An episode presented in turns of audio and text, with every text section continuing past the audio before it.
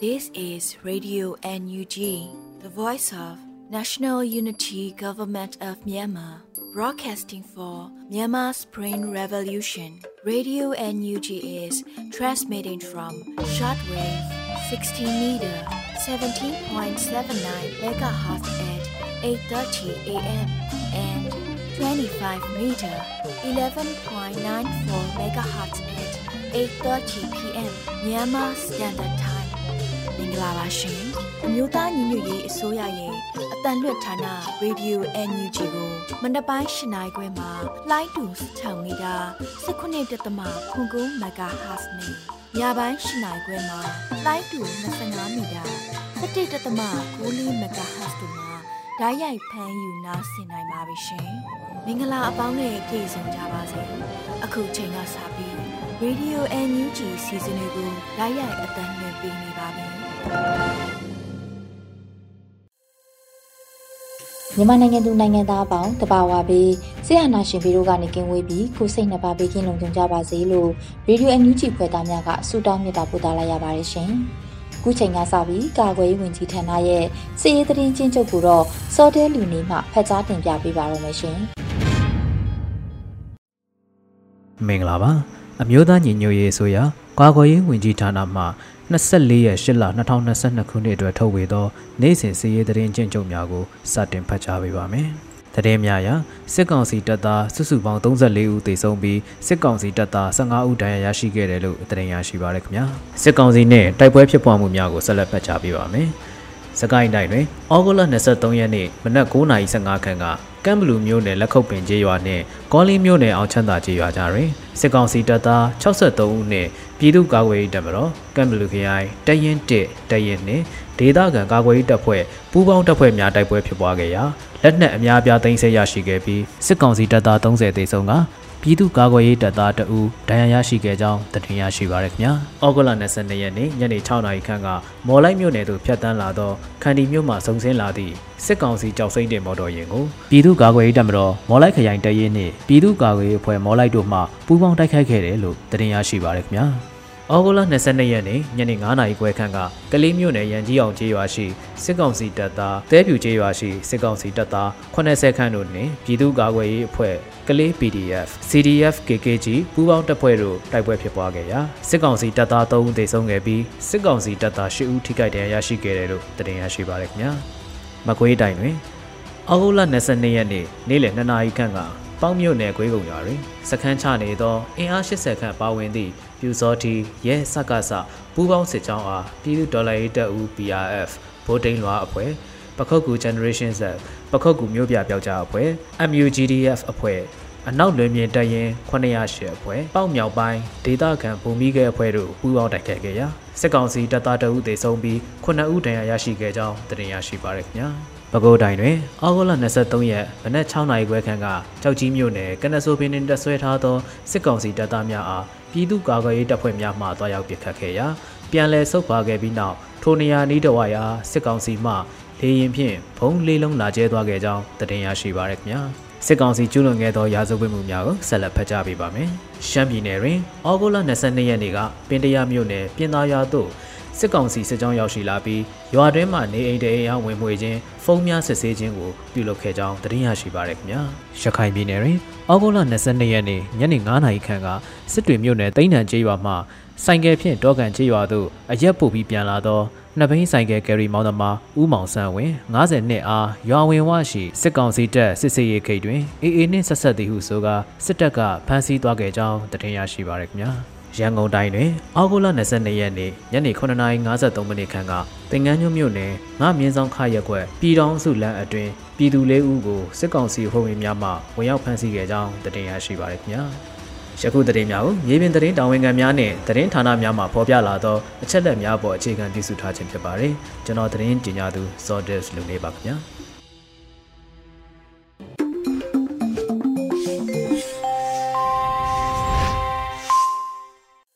ရေဒီယိုအန်ယူဂျီမှာဆက်လက်တင်ပြနေပါတယ်။အခုတခါနောက်ဆုံးရသတင်းများကိုအေရီမှဖတ်ကြားတင်ပြပေးပါရမရှင်။မင်္ဂလာပါရှင်။အခုချိန်ကစပြီးရေဒီယိုအန်ယူဂျီမနက်ပိုင်းပြည်တွင်းသတင်းတွေကိုတင်ပြပေးတော့မှာဖြစ်ပါတယ်။ကျွန်မကတော့အေရီပါရှင်။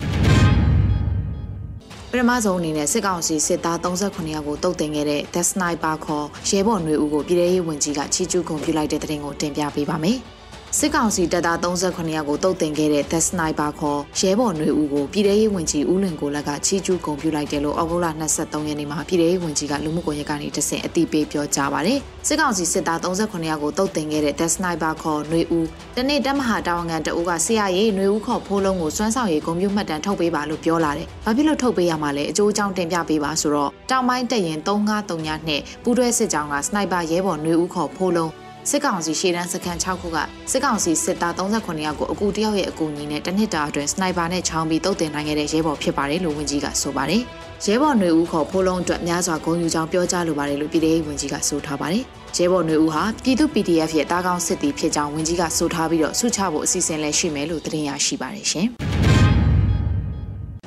ဆက်လက်ပြီးအာဆီယံဒေသတွင်းလိင်အကြမ်းဖက်မှုကိစ္စတွေကိုတရားမျှတမှုဖော်ဆောင်ဖို့အတွက်ပြည်ထောင်စုဝန်ကြီးနော်ဆူဆန္နာလှလှဆိုတက်ရောက်အကြံပြုတိုက်တွန်းခဲ့တဲ့သတင်းကိုတင်ပြပေးပါမယ်။အာဆီယံဒေသတွင်းလိင်အကြမ်းဖက်မှုများအားတရားမျှတမှုဖော်ဆောင်ရေးအတွက်တက်ရောက်အကြံပြုတိုက်တွန်းခဲ့ပါတယ်လို့ဩဂုတ်လ23ရက်နေ့မှာပြည်ထောင်စုဝန်ကြီးနော်ဆူဆန္နာလှလှဆိုကဆိုထားပါတယ်။လက်ရှိမှာမြန်မာနိုင်ငံမှာစစ်တပ်ကအာဏာသိမ်းပြီးတဲ့နောက်အမျိုးသမီးတွေကိုအကြမ်းဖက်ခါလိင်ပိုင်းဆိုင်ရာကျူးလွန်မှုတွေမြင့်တက်ခဲ့တာလည်းဖြစ်ပါတယ်ရှင်။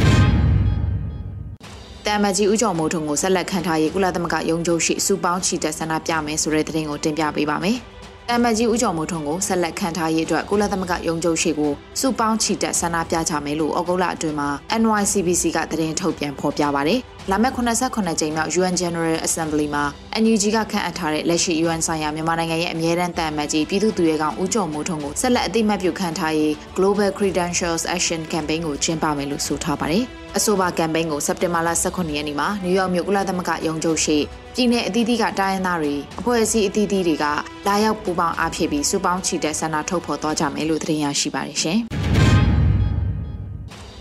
တော်လိုင်းအမြန်အောင်မှုအချင်းချင်းသွေးမှုကွဲဖို့လိုတယ်လို့ချက်နိုင်ငံအန်ယူဂျီကိုယ်စားလှယ်ဦးလင်းတန်အသိပေးလိုက်တဲ့သတင်းကိုတင်ပြပေးပါမယ်။ တော်လိုင်းအမြန်အောင်မြင်မှုအချင်းချင်းသွေးမကွဲဖို့လိုတယ်လို့ချက်နိုင်ငံဆိုင်ရာအန်ယူဂျီကိုယ်စားလှယ်ဦးလင်းတန်းကဩဂုတ်လ23ရက်မှာလူမှုကွန်ရက်ကနေတဆင့်ရေးသားပြောကြားလိုက်ပါတယ်။ဒီတော်လိုင်းရေးမှာအသက်တွေဘဝတွေရှင်းပြီးမြေပြင်မှာပေးဆက်နေသူတွေကိုမေ့လျော်ပြီးတော်လိုင်းရေးခြေစီတွေကလူအနေငယ်ဟာကိုယ့်အချင်းချင်းပြိုင်ဆိုင်ခြင်းကိုယ့်အချင်းချင်းခြောက်တွန်းခြင်းကိုယ့်အချင်းချင်းတိုက်ခိုက်ခြင်းကိုယ့်အချင်းချင်းမနာလိုခြင်းကိုယ့်အချင်းချင်းတဝင်းတိုခြင်းကိုယ့်အချင်းချင်းခုံတိုက်ခြင်းကိုယ့်အချင်းချင်းအတင်းပြောခြင်းကိုယ့်အချင်းချင်းတန်တရားပွားခြင်း ကို့အချင်းချင်းအပြစ်တင်ခြင်းဆိုတဲ့တရားစိုးတွေရှိနေကြတာသတိထားမိတော့စိတ်မချမ်းသာဘူးသွေးကွဲဖို့သွေးခွဲနေကြတာဒစိမ့်မဟုတ်ပဲကို့အချင်းချင်းဖြစ်နေတာမျိုးဟာတော်လန်ရေးအတွက်အဓိကအဖို့အထစ်စူးညောင်နေပဲအရေးကြီးတာတော်လန်ရေးအမြန်အောင်မြင်ဖို့ပဲလို့ဆိုပါတယ်2021ခုနှစ်ဖေဖော်ဝါရီလ1ရက်နေ့ဆရာနာသိမ်းပြီးတဲ့နောက်ဆရာနာရှင်စန့်ကျင်ရေးနဲ့အတူနှွေဦးတော်လန်ရေးဟာပေါ်ပေါက်လာခဲ့တာဖြစ်ပါတယ်ရှင်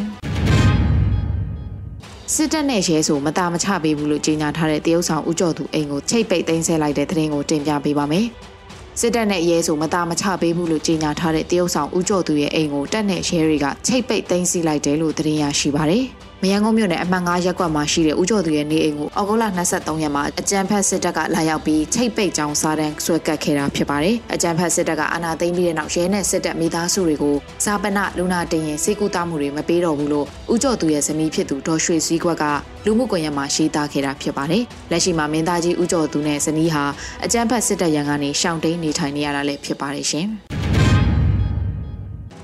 NUG ပေးနဲ့အခွန်ဆောင်လို့ရပြီဆိုတဲ့သတင်းကိုလည်းဆက်လက်တင်ပြပေးပါအောင်မယ်။အမျိုးသားညီညွတ်ရေးအစိုးရကိုလုပ်ငန်းရှင်တွေအနေနဲ့ NUG ပေးနဲ့အခွန်ဆောင်လို့ရပြီလို့ဩဂုတ်လ23ရက်နေ့မှာ NUG ပေးကအသိပေးလိုက်ပါတယ်။အမျိုးသားညီညွတ်ရေးအစိုးရကိုအခွန်ထမ်းဆောင်မှုအတွက်ပထမဆုံးအဆင့်အနေနဲ့ပုံစံက001ကိုဖြည့်သွင်းရမှာဖြစ်ပါတယ်။ပုံစံက001ကိုဖြည့်သွင်းပြီးရင်အခွန်ထမ်းဆောင်မှုလိုအပ်တဲ့အသေးစိတ်အချက်လက်တွေပါဝင်တဲ့ email တစ်ဆောင်ရရှိမှာဖြစ်ပါတယ်။ငွေပေးချေမှုကိုတော့ email မှာပေးထားတဲ့နည်းလမ်းနှစ်ခုအနက်အဆင်ပြေတဲ့နည်းကိုသုံးလို့ရပါတယ်လို့ဆိုထားပါတယ်။။ email မှာပေးထားတဲ့ NUG ရဲ့နိုင်ငံခြားဘဏ်ကိုကိုယ်တိုင်ဖြစ်စေတခြားယုံကြည်ရသူကတဆင့်ဖြစ်စေငွေလွှဲခြင်းဒါမှမဟုတ် email မှာပေးထားတဲ့ QR code ကို NUG ပေးနဲ့ငွေလွှဲခြင်းတို့ကိုဆောင်ရွက်နိုင်မှာဖြစ်ပါတယ်။ငွေလွှဲပြီးရင်ပုံစံခ001ကိုငွေလွှဲပြီးကြောင်းအထောက်အထားပြေစာနဲ့တော့ဖြည့်သွင်းပေးရမှာဖြစ်ပါတယ်။ပုံစံခ001ဖြည့်သွင်းပြီးတလအတွင်း Unique Identification Number UID နဲ့တကွဂုဏ်ပြုမှတ်တမ်းကိုဖော်ပြပါ email ကနေတဆင့်လက်ခံရရှိသွားမှာဖြစ်တယ်လို့လည်းသိရှိရပါတယ်ရှင်။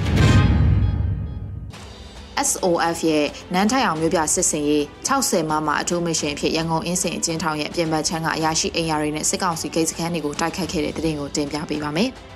ဩဂုတ်လ22ရက်နေ့မနက်အစောပိုင်း3:20လောက်မှာရန်ကုန်အင်းစိန်အကျဉ်းထောင်ရဲ့အပြင်ဘက်ခြမ်းအရာရှိများအိမ်ယာနဲ့လုံခြုံရေးတပ်ဆွဲထားတဲ့စစ်ခွေးများခိတ်တဲကို60မမစိန်မြောင်းတက်လက်နဲ့ပြစ်ခတ်တိုက်ခိုက်ခဲ့တယ်လို့အထူးစစ်စင်ရေးတပ် SOF ကဩဂုတ်လ23ရက်နေ့မှာစီးရေးသတင်းကိုထုတ်ပြန်ပါတယ်။ တပ်ဖွဲ့ဝင် operators တွေရဲ့ကျွမ်းကျင်စွာချိန်ဆပစ်ခတ်နိုင်မှုကြောင့်ပြစ်မှတ်1အရာရှိများနေထိုင်သည့်အိမ်ယာသို့ဘုံသီးနှစ်ချက်ပြစ်မှတ်2စစ်ခွေး20ခန့်တပ်ဆွဲထားသောဂိတ်တဲအားဘုံသီးနှစ်ချက်စီဖြင့်ဘုံသီး4ချက်ပစ်ခတ်နိုင်ခဲ့ပြီးပြစ်မှတ်များသို့တိတိကျကျထိမှန်ပောက်ကွဲခဲ့တယ်လို့ဆိုပါတယ်။ပြစ်ခတ်တိုက်ခိုက်မှုအပြီး3:40အချိန်လောက်မှာတဝင်းလုံးမီးတွေမှိတ်ပြီးလူနာတင်ရင်3စီးနဲ့ဒီစီ2စီးဝင်လာကတေဆုံးနိုင်ခြင်းရှိသူတွေနဲ့ပြင်းထန်ဒဏ်ရာရသူ73ဦးလောက်ကိုလာရောက်ထုတ်ယူသွားတယ်လို့ဆိုပါတယ်။တခြားဒဏ်ရာရသူတွေကို ထောင်ဝင်းအတွင်းနေရာရွှေ့ပြီးလျှို့ဝှက်ကုသနေတယ်လို့သိရှိရပြီးစစ်ကောင်စီတပ်သားတွေအိတ်နေတဲ့ဝန်ထမ်းအဆောင်တစ်ခုအမိုးတွေအုပ်နေရန်နေပါပြိုကျပျက်စီးခဲ့ပြီးနေရာကိုပိတ်ဆို့ကာရန်ထားတယ်လို့ဖော်ပြထားပါတယ်။လက်ရှိမှာဝန်ထမ်းတွေအားလုံးကိုပြင်ပနဲ့အဆက်အသွယ်ဖြတ်ပြီးသတင်းပိတ်ထားတယ်လို့လည်းသိရှိရပါတယ်။ SOF တပ်ဖွဲ့ဝင်အားလုံးလုံခြုံပေးခဲ့ပါပြီ။ပြစ်မှတ်တွေနဲ့တရင်အချက်လက်တွေတိတိကျကျနဲ့ယုံကြည်စွာပေးပို့တဲ့ထောင်ဝန်ထမ်းကိုကျေးဇူးတင်ပါတယ်လို့အထူးစစ်စင်ရေးတပ်ဖွဲ့ SOF တောင်ပိုင်းစစ်ဒေသကဆိုထားပါတယ်ရှင်။ ဆက်လက်ပြီးຫນွေဦးတော်လိုင်းရဲ့ကာလအတွင်းအကြံဖက်စစ်တပ်ညင်ပန်းနှိပ်စက်လို့ကြာဆုံးခဲ့ရသူစုစုပေါင်း2000ကျော်ရှိလာပြီဆိုတဲ့သတင်းကိုတင်ပြပေးပါမယ်။2021ခုနှစ်ဖေဖော်ဝါရီလ1ရက်နေ့မတရားစစ်အာဏာလုမှုဖြစ်စဉ်ကိုစန့်ကျင်ခဲ့ကြတဲ့ဒီမိုကရေစီရေးလှုပ်ရှားသူတွေနဲ့ပြည်သူတွေရဲ့နှွေဦးတော်လှန်ရေးကာလအတွင်းကြာဆုံးခဲ့ရသူစုစုပေါင်းကတော့2233ဦးရှိခဲ့ပြီဖြစ်တယ်လို့ AAPP ကဖော်ပြပါတယ်။ဩဂုတ်လ16ရက်နေ့ညပိုင်းမှာစကိုင်းတိုင်းကမ်ဘလူမြို့နယ်ကိုတောင်မို့ကျေးရွာအနီးဗရောက်ခုံကျေးရွာနဲ့ဘူတာတန်းကျေးရွာဘက်ကိုလက်နက်ကြီးတွေနဲ့စစ်ကောင်စီတပ်တွေကရန်တမ်းပစ်ခတ်ခဲ့ပါတယ်။ အဆိုပါလက်နက်ကြီးကြီးဟာကိုရာမို့ဘူဒါယုံအနောက်ဘက်မှာရှိတဲ့နေအိမ်တစ်လုံးပေါ်ကိုကြာရောက်ပောက်ကွဲခဲ့ပြီးအဆိုပါနေအိမ်နဲ့ကက်လျက်နေအိမ်မှာခုံတန်းအောက်မှာပုံအောင်နေတဲ့ဒေသခံအမျိုးသမီးနှစ်ဦးဖြစ်တဲ့ဒေါခင်မာဝင်းနဲ့ဒေါခင်မြင့်တို့ဟာလက်နက်ကြီးကြီးစားထိမှန်ပြီးတေဆုံးသွားခဲ့ကြတယ်လို့သိရှိရပါတယ်ရှင်။ကမ်ဘလူမြို့နယ်လက်ခုပ်ပင်နဲ့အောင်ချမ်းသာကျေးရွာတွေအတွင်းကိုချက်တင်းကနေထိုးစစ်ဆင်လာတဲ့စစ်ကောင်စီစစ်ကြောင်းကိုကမ်ဘလူခရိုင်တရင်နှစ်ကဂျားဖြတ်တိုက်ခိုက်ရာ40ထပ်မံနဲ့တေဆုံးပြီးအရှင်9ဦးဖမ်းမိထားတယ်ဆိုတဲ့သတင်းကိုတင်ပြပေးပါမယ်။ စကိုင်းတိုင်းကမ်ဘလူမြို့နယ်လက်ခုပ်ပင်နဲ့အောင်ချမ်းသာကျေးရွာအတွင်းကိုချက်သိန်းကနေထိုးစစ်ဆင်လာတဲ့စစ်ကောင်စီစစ်ကြောင်းကိုဩဂုတ်လ23ရက်နေ့မနက်၈နာရီမှာကမ်ဘလူခရိုင်တပ်ရင်းနှစ်ကကြားပြတ်တိုက်ခိုက်ခဲ့တယ်လို့တီးပြပါတယ်။ခုနှစ်ယောက်သူတို့ဘက်ကလူကိုဖမ်းမိထားပါတယ်ဗျ။အရာရှိပါမပါတော့မသိသေးပါဘူးလို့ဆိုပါတယ်။အဆိုပါတိုက်ပွဲမှာစစ်ကောင်စီဘက်ကလေကြောင်းပစ်ကူလာတဲ့အတွက်မနက်10နာရီမှာဆုတ်ခွာခဲ့ရတယ်လို့ဆိုပါတယ်။ကမ်ဘလူခိုင်တရင်နှစ်ရဲ့ထုတ်ပြန်ထားချက်အရအရေးအတွက်စစ်စစ်ဆဲ RPG ဆက်လက် MA1 MA2 စတဲ့လက်နက်တွေတင်စီရမိခဲ့တယ်လို့သိရှိရပါတယ်ရှင်။ အခုတင်ပြပေးခဲ့တဲ့သတင်းတွေကိုတော့ Radio NUG သတင်းတောင်မင်းမင်းကပေးပို့ထားတာဖြစ်ပါတယ်ရှင်။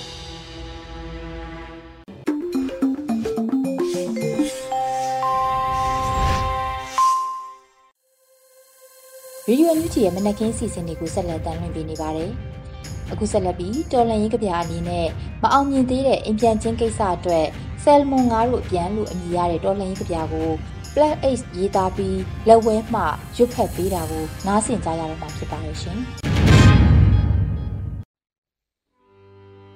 မအောင်မြင်သေးတဲ့အိမ်ပြန်ခြင်းကိစ္စအတွက်ဆယ်မွန်ငါတို့အပြန်ငါအပြန်ဟာတကယ်ရောရှိလာပါတော့မလားလို့ငါတို့အိမ်ရှိရာပုံညက်ပန်းတွေကိုလှမ်းမင်းမိတယ်။မိုင်းတွေဒီလောက်ထိများများရှေ့ထွက်လာလိမ့်မယ်လို့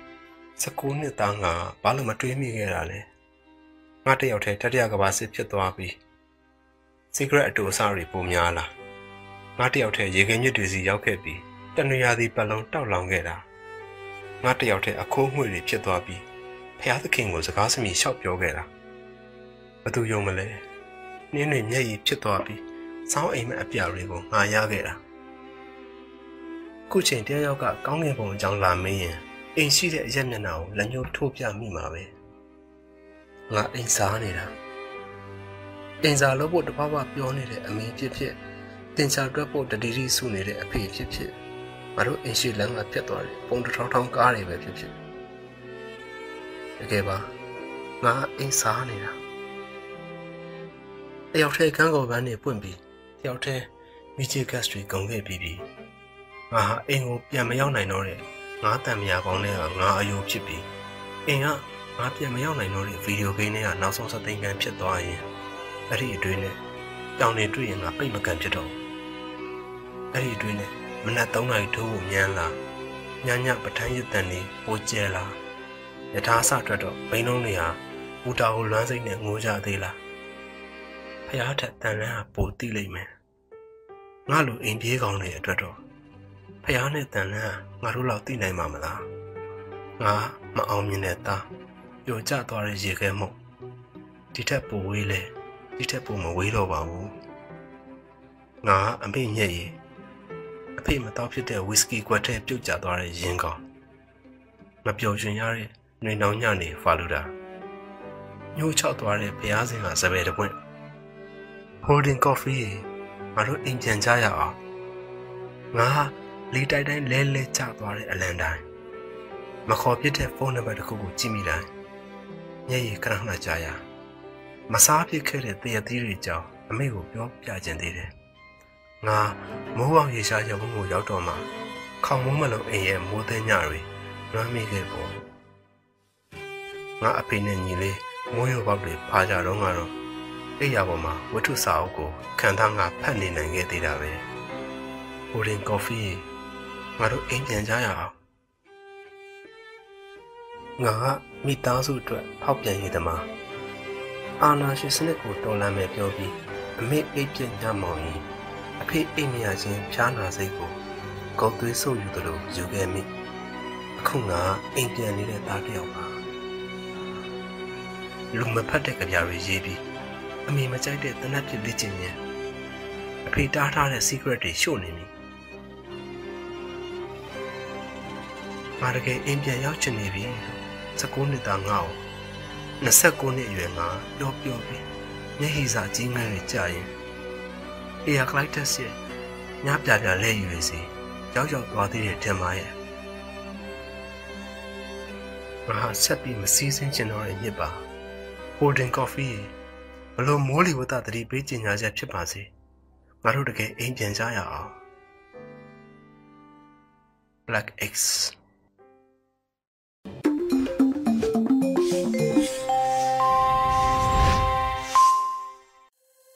ရေဒီယိုညူချီရဲ့မနက်ခင်းစီစဉ်လေးကိုဆက်လက်တင်ပြနေပါတယ်။အခုတခါတော်လှန်ရေးတေဂီတာအနေနဲ့ PDF လို့အမည်ရတဲ့တေဂီတာကို Calvin Think ကတီးဆိုပေးထားပါတယ်ရှင်။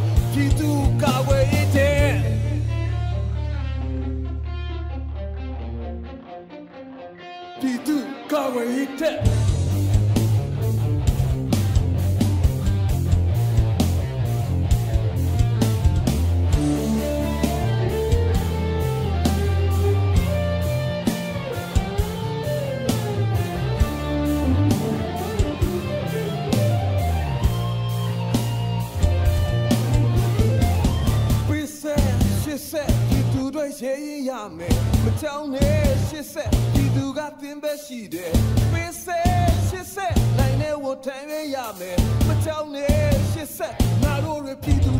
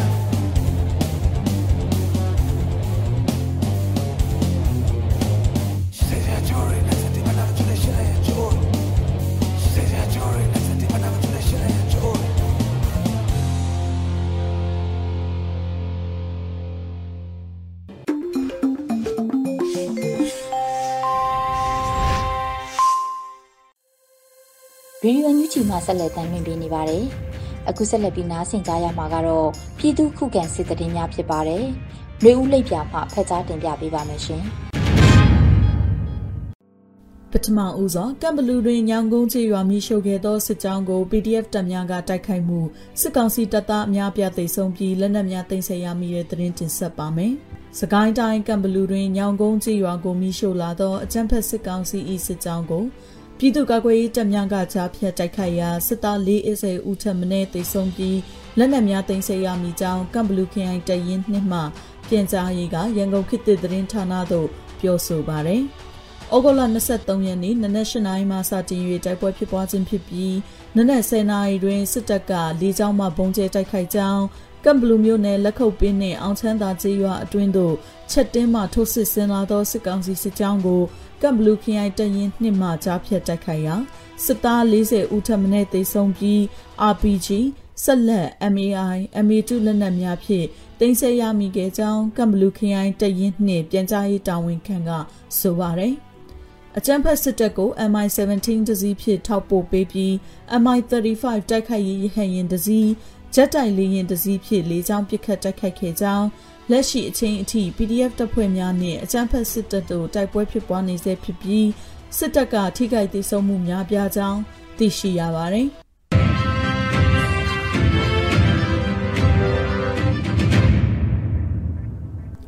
ဆက်လက်ပြီးတိုက်ပွဲပြင်းထန်နေသောမြဝတီမြို့နယ်တုံးတက်ကွေကိုစစ်တပ်ကတိုက်လေရင်များဖြင့်ဘုံကျရဲချတဲ့သတင်းတင်ဆက်ပါမယ်။ကရင်ပြည်နယ်မြဝတီမြို့နယ်ကောတူလေး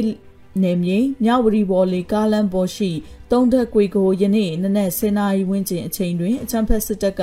တိုက်လေရင်များဖြင့်ဘုံကျဲချသွားကြောင်းရှေ့တန်းသတင်းရင်းမြစ်များထပ်မံသိရှိရပါသည်။အကျန်းစစ်ကောင်စီ၏ရက်တိုက်လေရင်လေးစင်းသည်မြဝတီနှင့်ကော့ကရိတ်မြို့နယ်အတွင်းတွင်ပြန်တမ်းပြီးတုံးတက်ကွေကိုဘုံကျဲချသွားခြင်းဖြစ်ကြောင်းယနေ့နနက်ပိုင်းတွင်တိုက်ပွဲများပြင်းထန်စွာဖြစ်ပွားပြီးနောက် လေရင်ဖြင့်ဘုံကျဲချခြင်းဖြစ်ကြောင်းသိရှိရတာပါ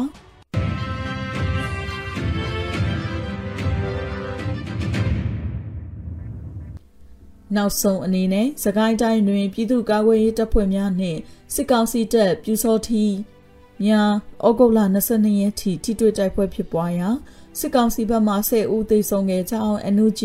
ကာကွယ်ရေးဝန်ကြီးဌာနကသတင်းထုတ်ပြန်တဲ့သတင်း တင်ဆက်ပါမယ်။စကိုင်းတိုင်းကံဘလူမြို့နယ်မော်တော်ကျေးရွာမှထွက်လာသောစစ်ကောင်စီတပ်သားနှင့်ပြူစောထီများကိုပြည်သူ့ကာကွယ်ရေးတပ်မတော်ရွှေဘိုခရိုင်တရင်16ကဒရုန်းဖြင့်ပုံကျဲတိုက်ခိုက်ရာပြူစောထီ3ဦးထိခိုက်ဒဏ်ရာရရှိခဲ့ပြီးတအုပ်ပြင်းထန်ဒဏ်ရာရရှိခဲ့သည်ဟုဆိုပါသည်။ထို့ပြင်ထီချိုင်မြို့နယ်ရေဖြူလွင်ကျေးရွာအနီးတွင်ပြည်သူ့ကာကွယ်ရေးတပ်မတော်ကတာခရိုင်တရင်များပြည်သူ့ကာကွယ်ရေးအဖွဲ့ထီချိုက်စသည့်ပြည်သူ့ကာကွယ်ရေးတပ်သားများနှင့် စက္ကစတပ်သားပြူစောတိတပ်သားများအကြားထိတွေ့တိုက်ပွဲဖြစ်ပွားခဲ့ရာစစ်သား10ဦးသေဆုံးခဲ့ကြောင်းသတင်းထုတ်ပြန်ပါတယ်။အဆိုပါထိတွေ့တိုက်ပွဲတွင်ပြည်သူ့ကာကွယ်ရေးတပ်ဖွဲ့ဘက်မှလည်းတပ်သား2ဦးထိခိုက်ဒဏ်ရာရရှိခဲ့ကြောင်း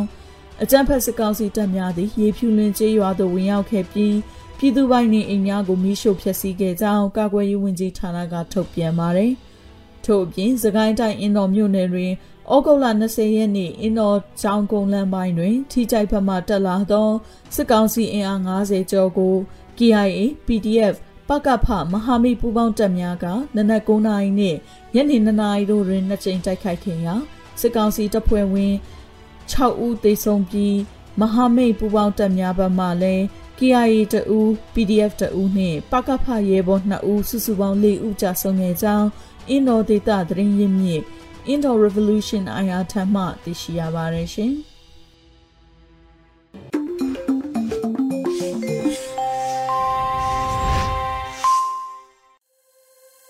ဗီဒီယိုညူချီပရိသတ်တွေအတွက်ကူးဆက်လက်ပြီးနားဆင်ကြရမှာကတော့ PPTV ရဲ့နေ့စဉ်သတင်းများဖြစ်ပါတယ်။ထက်ထက်အင်ဒရာအောင်မှဖတ်ကြားတင်ပြပေးပါရမရှင်။အခုချိန်ကစပြီး PVTV သတင်းတွေကိုတင်ဆက်ပေးတော့မှာပါ။ကျွန်မထက်ထက်အင်ဒရာအောင်ပါပ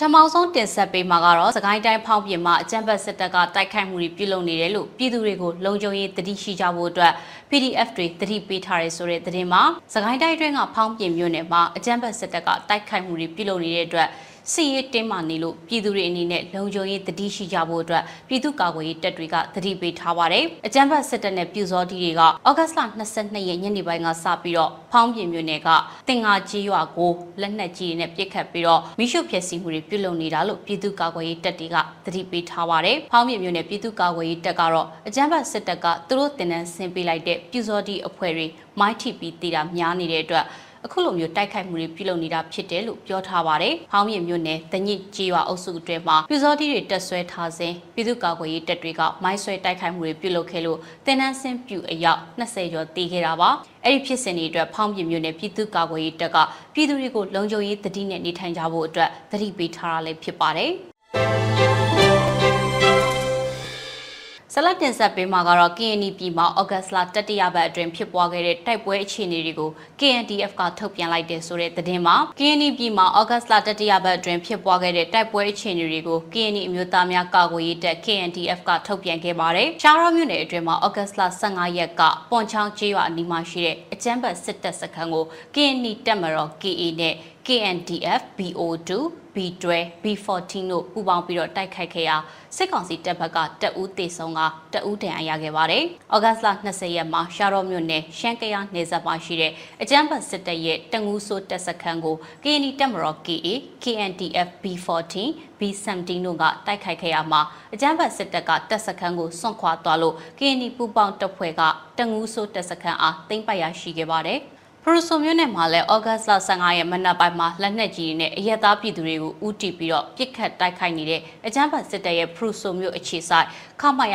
428နဲ့931တပ်ရင်းတို့ကို KNI တပ်မတော် KA နဲ့ KNDF BO4 တို့က လက်နက်ကြီးနဲ့တွားရောက်တိုက်ခိုက်ခဲ့ရမှာအကြမ်းဖက်စစ်တပ်ဘက်ကထိခိုက်မှုတွေရှိခဲ့တယ်လို့ဖော်ပြထားပါတယ်။ဩဂတ်လ20ရက်မနက်ပိုင်းကစပြီးတော့ဖရူဆိုမြို့နယ်ကဒါလာကြီးရွာဘက်မှာဒီမော့ဆိုမြို့ဘက်ကနေစစ်ကြောင်းနှစ်ကြောင်းနဲ့စစ်ကြောင်းထိုးလာတဲ့အကြမ်းဖက်စစ်တပ်ကို KNDF B19 ကခြေတော်ရဖျားတောင်အနီးမှာခုခံတိုက်ခိုက်ရာတိုက်ပွဲပြင်းထန်ခဲ့ပြီးတော့အကြမ်းဖက်စစ်တပ်ဘက်ကထိခိုက်မှုများပြားခဲ့ပါတယ်။လွိုင်ကော်မြို့နယ်မှာလည်းဩဂတ်လ20ရက်မှာဒေါ်တချရေတကာအနီးတက်ဆွဲနေတဲ့အကြမ်းဖက်စစ်တပ်ကို KNDF B14 BO2 နဲ့ KNI တပ်မတော် KA တို့ကအလေးငိုက်တိုက်ခိုက်ခဲ့ရမှာအကြမ်းဖက်စစ်တပ်က2ဦးသေဆုံးပါတယ်။ဒီမော့ဆိုမြို့နယ်ခြေတော်ရဖျားတောင်အနီးတိုက်ပွဲအတွင်းအကြမ်းဖက်စစ်တပ်ကိုခုခံတိုက်ခိုက်ရင်းနဲ့ KNDF B19 က ရဲဘော်တအူရဲရင်စွာကြာဆုံးခဲ့ရပြီးတော့ Federal Democracy အရေးအတွက်အသက်ပေးသွားတဲ့ KNDF B19 ကရဲဘော်အားအာဇာနည်သူရဲကောင်းအဖြစ်နဲ့တမိုင်းမှတ်တမ်းတင်အလေးပြုတဲ့ဆိုပြီးတော့လဲ KNDF ကထုတ်ပြန်ချက်ထဲမှာဖော်ပြထားပါတယ်။ကျေးဇူးတင်ပါတယ်ရှင်။ဒီကနေ့ကတော့ဒီညနေပဲ Radio NUG ရဲ့အစီအစဉ်လေးကို ခေတ္တရနာလိုက်ပါမယ်ရှင်။မြန်မာစံတော်ချိန်မနေ့၈နိုင်ခွဲနဲ့ည၈နိုင်ခွဲအချိန်တွေမှာပြောင်းလဲဆိုပြကြပါလို့ရှင်။ Radio NUG ကိုမနေ့ပိုင်း၈နိုင်ခွဲမှာလိုင်းတူ16မီတာ19.7 MHz နဲ့ညပိုင်း၈နိုင်ခွဲမှာလိုင်းတူ25မီတာ17.6 MHz တို့မှာဓာတ်ရိုက်ဖမ်းယူနားဆင်နိုင်ပါပြီရှင်။ မြန်မာနိုင်ငံသူနိုင်ငံသားများကိုစိတ်နှဖျားစမ်းမချမ်းသာလို့ဘေးကင်းလုံခြုံကြပါစေလို့ Radio NUG ရဲ့ဖွဲ့သူဖွဲ့သားများကဆုတောင်းလိုက်ရပါတယ် San Francisco Bay Area အခြေဆိုင်မြန်မာမိသားစုများနိုင်ငံတကာကစေတနာရှင်များလို့အားပေးကြရဲ့ Radio NUG ဖြစ်ပါတယ်ရှင်အရေးတော်ပုံအောင်ရမည်